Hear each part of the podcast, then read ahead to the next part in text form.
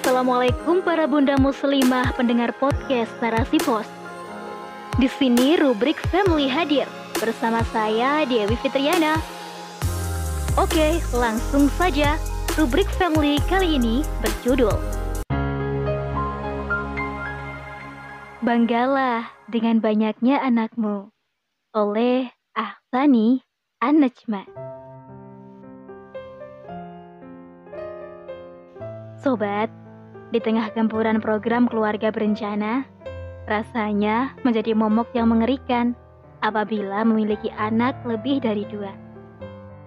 Mereka berpandangan sebelah mata ketika melihat ibu-ibu yang menuntun kanan kiri bocah-bocah imut dan menggemaskan itu. Rasanya kok repot banget ya, padahal yang merasakan sebenarnya bukan orang yang menilai, Justru yang harusnya merasakan repot dan mengeluh, ya sang ibu yang mengurusnya sendiri. Saya sering mendengar perkataan orang-orang yang agak julid. Ih, memang gak repot ya punya banyak anak. Nanti mau dikasih makan apa anaknya? Urus gak tuh? Sekolahnya gimana? Kan mahal.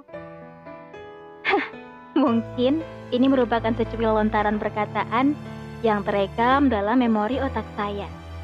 Masih banyak lagi perkataan julid yang dituju pada ibu-ibu yang memiliki anak banyak. Apalagi di tengah pandemi, kesulitan hidup merata di mana-mana, menghambat siapa saja dan menimpa siapa saja, baik orang kaya maupun orang miskin tanpa pandang bulu.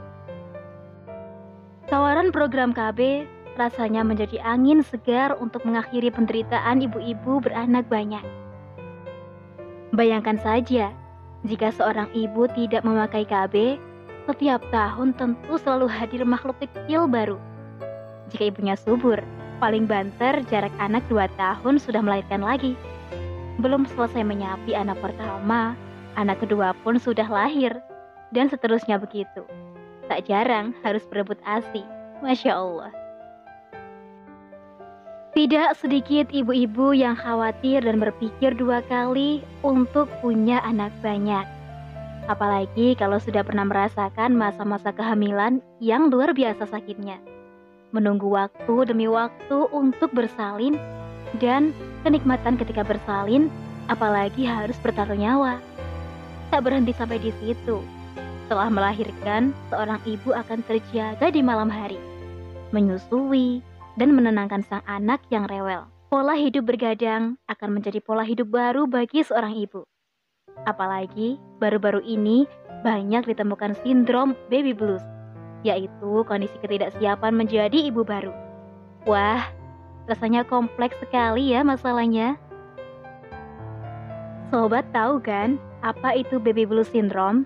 Ia adalah perubahan suasana batin pasca melahirkan yang dapat membuat ibu merasa over atau berlebihan. Misalnya terharu, cemas, hingga mudah tersinggung. Sindrom blues atau disebut juga dengan postpartum blues umumnya dialami oleh sekitar 80% atau 4 sampai 5 ibu baru. Hmm, lalu apa tanda-tandanya?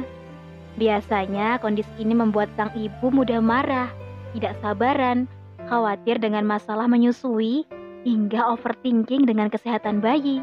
Padahal mungkin saja kondisi bayi sebenarnya baik-baik saja atau tidak mengalami masalah kesehatan apa pun. Bahkan lebih serius lagi, tak jarang si ibu merasa lelah tapi sulit tidur dan terus menangis tanpa ada alasan yang jelas. Rasanya zaman dahulu tidak akan ada ya sindrom aneh seperti ini. Baru di zaman milenial saja, sindrom ini dikenal luas. Tidak dapat dimungkiri, sindrom baby blues juga menyita pikiran ibu-ibu milenial.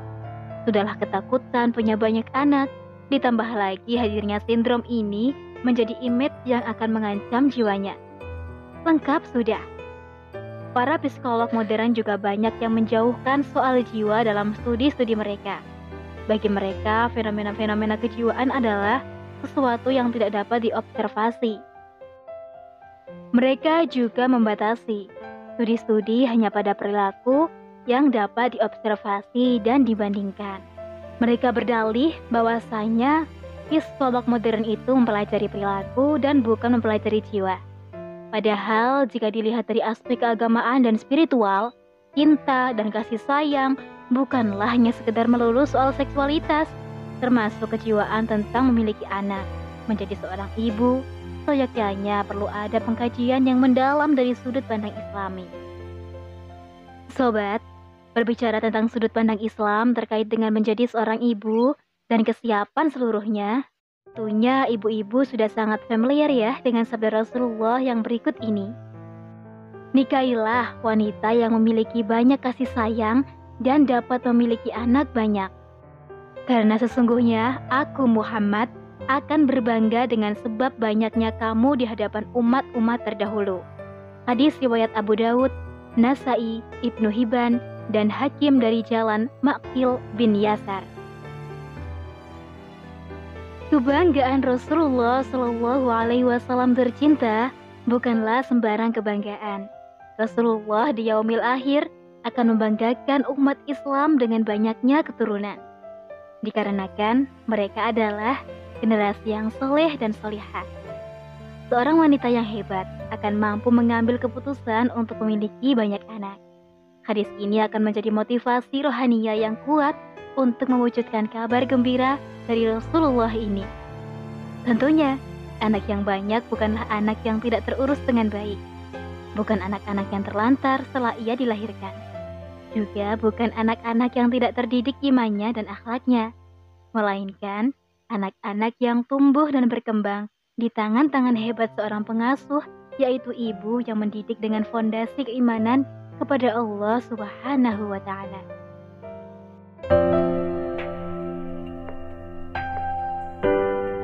Sekian rubrik family kali ini. Semoga dapat menginspirasi bunda-bunda muslimah di mana pun berada.